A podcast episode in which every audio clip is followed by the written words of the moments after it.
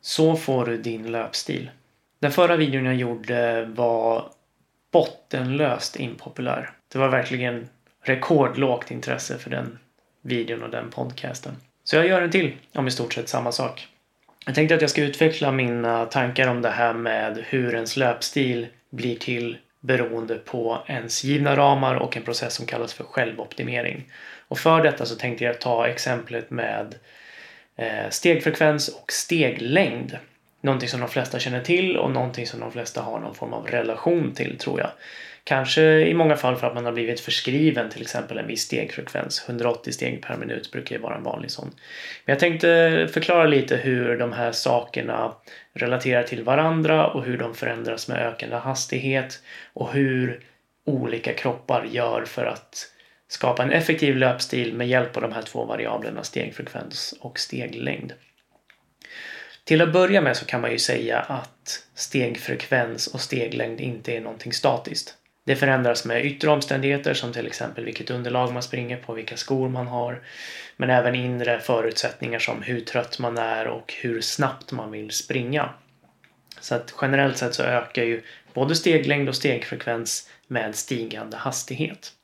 Det finns också ett omvänt förhållande mellan steglängd och stegfrekvens vid en given hastighet. Alltså om du ska springa vid en given hastighet och du ökar steglängden, då måste stegfrekvensen minska och vice versa. Och det här innebär ju också att det finns oändligt antal sätt att skapa en viss hastighet med hjälp av steglängd och stegfrekvens. Jag tänkte att vi skulle prata om en studie som har tittat på de här sakerna. Och det de hade gjort här var att de hade tagit ett antal deltagare och låtit dem springa på fyra olika hastigheter från ganska långsam löpning till maximal sprint. Och så hade man tittat på steglängd och stegfrekvens, markkontaktil, lite andra sådana saker, muskelaktivering. Och så hade de gjort en biomekanisk modell av hur kroppen fungerar eh, vid de här olika hastigheterna. Det man såg här var ju föga förvånande då att både steglängd och stegfrekvens ökade med ökande hastighet. Men det man såg som var intressant här var att när man började öka hastigheten, alltså när man gick från långsam till medelsnabb löpning, så var det framförallt steglängden som ökade. Stegfrekvensen ökade väldigt lite i början, steglängden ökade väldigt mycket i början. Sen mot slutet, när man började närma sig maximal sprint, då kunde inte steglängden öka längre utan då var det istället stegfrekvensen som fick en, en kraftig ökning mot slutet. Det här berodde på, såg man när man tittade på muskelaktiveringen och kraftutvecklingen, att vadmuskulaturen, plantarflexorerna, kunde inte längre öka sin aktivering när man kom upp på de riktigt höga hastigheterna utan tvärtom så minskade aktiveringen när man kom upp på de hastigheterna. Och det här berodde på att markkontakttiderna började bli för korta. Så att vadmusklerna kunde inte längre, de hade inte tillräckligt lång tid på sig längre att utveckla den kraften som krävdes för att ge ökad steglängd. Och då fick kroppen ta till en annan strategi, nämligen att aktivera höftmuskulaturen mycket mer. Så gluteus maximus, iliopsoas och hamstrings för att börja svinga benet fram och tillbaka snabbare och därmed öka stegfrekvensen. Det intressanta här det är egentligen varför man sparar det här eller varför kroppen sparar på den här strategin och ökar stegfrekvensen. Eh, och istället väljer att öka steglängden vid de låga hastigheterna. Det beror nog ganska mycket på att det är det blir ganska snabbt ineffektivt att springa med en hög stegfrekvens. Och det beror på att man måste ju då pendla benet fram och tillbaks, alltså accelerera benet framåt. Det är en tröghet till en början. Och sen så måste benet pendla fram och sen måste man bromsa benet för att det ska kunna svänga tillbaks då. Det här blir ganska snabbt energislösigt. Hur energislösigt det blir kommer bero ganska mycket på hur ens kropp är funtad.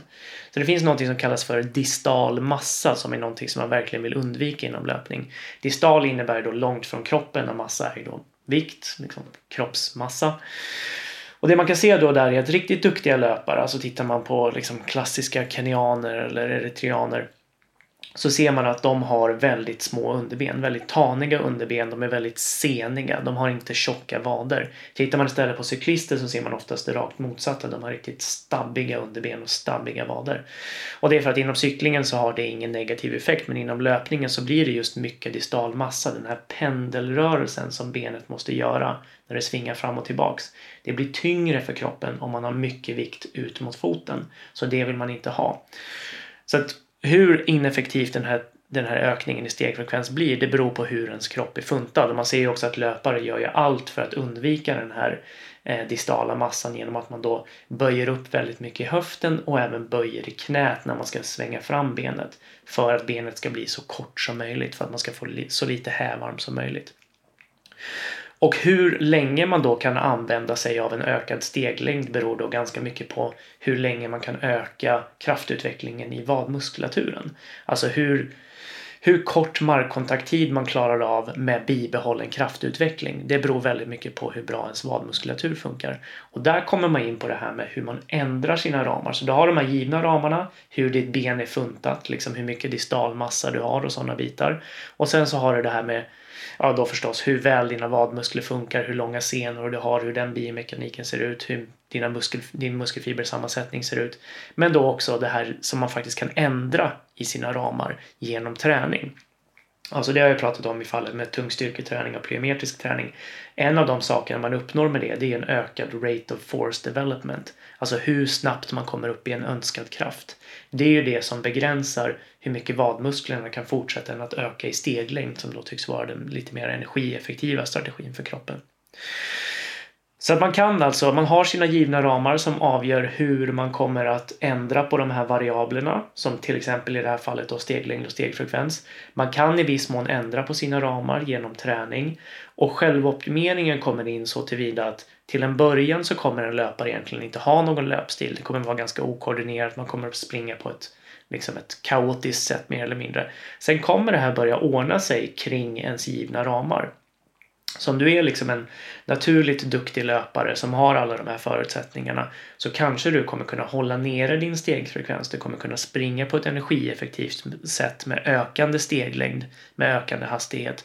Och det är först då när du går upp mot liksom maximala sprinter som du får den här kraftiga ökningen av stegfrekvens som man då ser när man sprintar. Medan då om du har då ganska svaga vagmuskler, alltså du har inte så mycket potential att utveckla kraft snabbt i dem, då kommer du kanske ganska snabbt börja gå över till en, en ökad stegfrekvens och du kommer ha liksom någon form av naturlig begränsning i hur snabbt du kan springa på ett ekonomiskt sätt.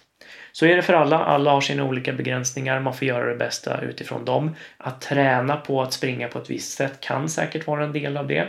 Alltså till exempel att träna på att försöka springa mer kraftfullt och ta i mer med vadmusklerna skulle kunna vara ett sätt att, att faktiskt stimulera kroppen till att bli bättre på det. Det återstår att se vad som är den bästa strategin för det där. Det man vet är ju att styrketräning verkar fungera och möjligen är det här ett sätt som det fungerar på. Så, vi får se om det här blir eh, lika ointressant för er som som eh, förra gången. Jag kommer att fortsätta harva på om det här i alla fall. Så vi ses och hörs när vi gör det.